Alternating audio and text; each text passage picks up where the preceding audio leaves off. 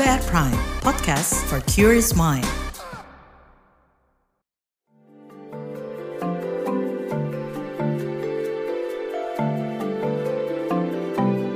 Saga, cerita tentang nama, peristiwa, dan fakta.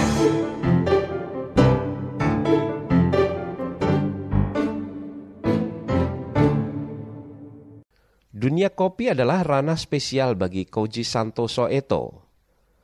Penyandang autisme asal Jakarta ini sukses meraih sertifikat barista dan bekerja. Berbekal keahliannya, Koji tertantang untuk menciptakan ruang-ruang inklusif bagi penyandang autisme. Itu terrealisasi pada 2019 lalu dengan dibukanya Koji Genki Project. Tim Saga KBR berbincang dengan Koji dan keluarganya tentang perjalanan mereka mendirikan kafe ramah autis ini. Simak laporan bagian kedua yang dibacakan Nafisa Deana.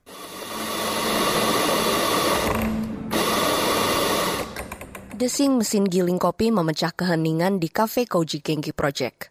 Nama saya Fadil, sekarang saya 26. Fadil, sang barista, tengah membuat espresso pesanan pengunjung. Lelaki asal Jakarta ini adalah penyandang autisme. Sejak 2020, ia bekerja di Koji, kafe ramah autis yang berlokasi di kawasan Tebet, Jakarta Selatan. Pas begitu saya lagi cari hobi, pas saya pertama kali beli kopi, saya coba dulu, saya inspirasi gitu.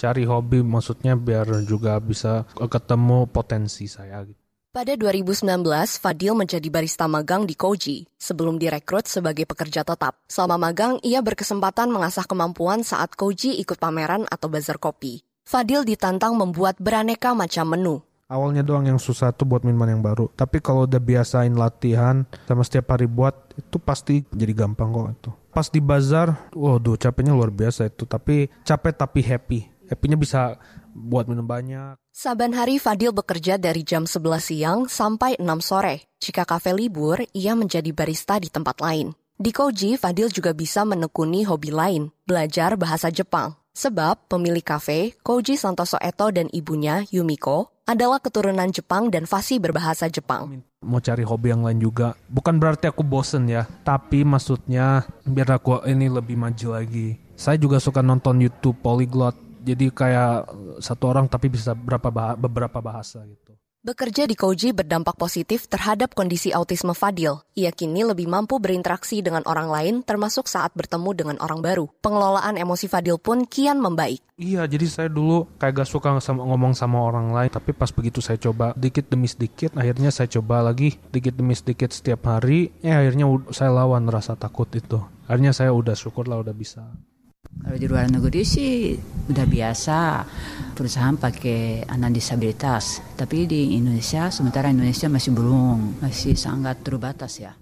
Ini adalah Yumiko, ibu dari pemilik Koji Genki Project. Ia mendukung anaknya mendirikan kafe yang nyaman dikunjungi orang dengan autisme. Selain itu, para baristanya juga direkrut dari sesama penyandang autisme. Ada empat barista yang dilatih, kemudian bekerja di Koji. Kan anak-anak kan nggak seramanya sekolah. Iya, mereka harus mandiri dan berkarya. Niat Koji bagusnya dia mau bantu orang lain. Jadi mau tadinya nggak ada kerja, jadi mereka bisa kerja gitu ya. Jadi ajarin barista.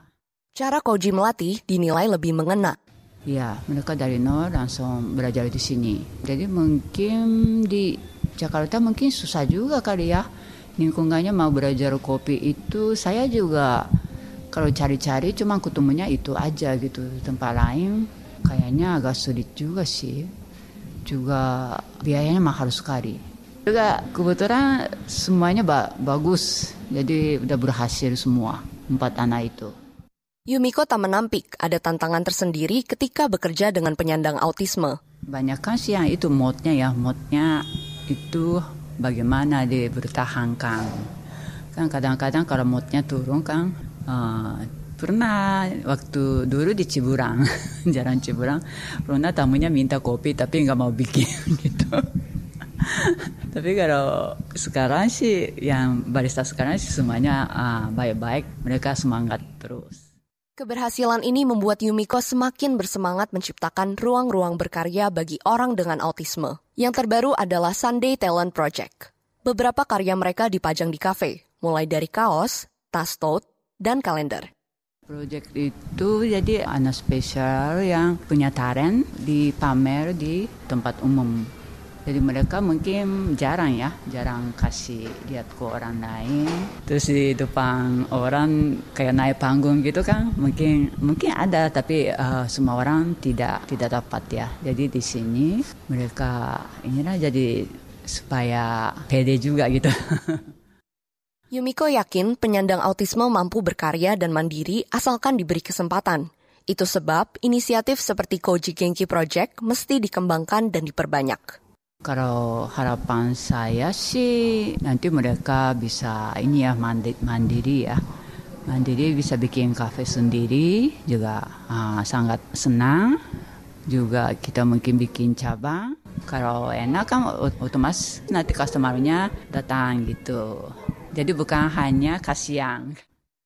Demikian Saga KBR. Saya Nafisa Deana.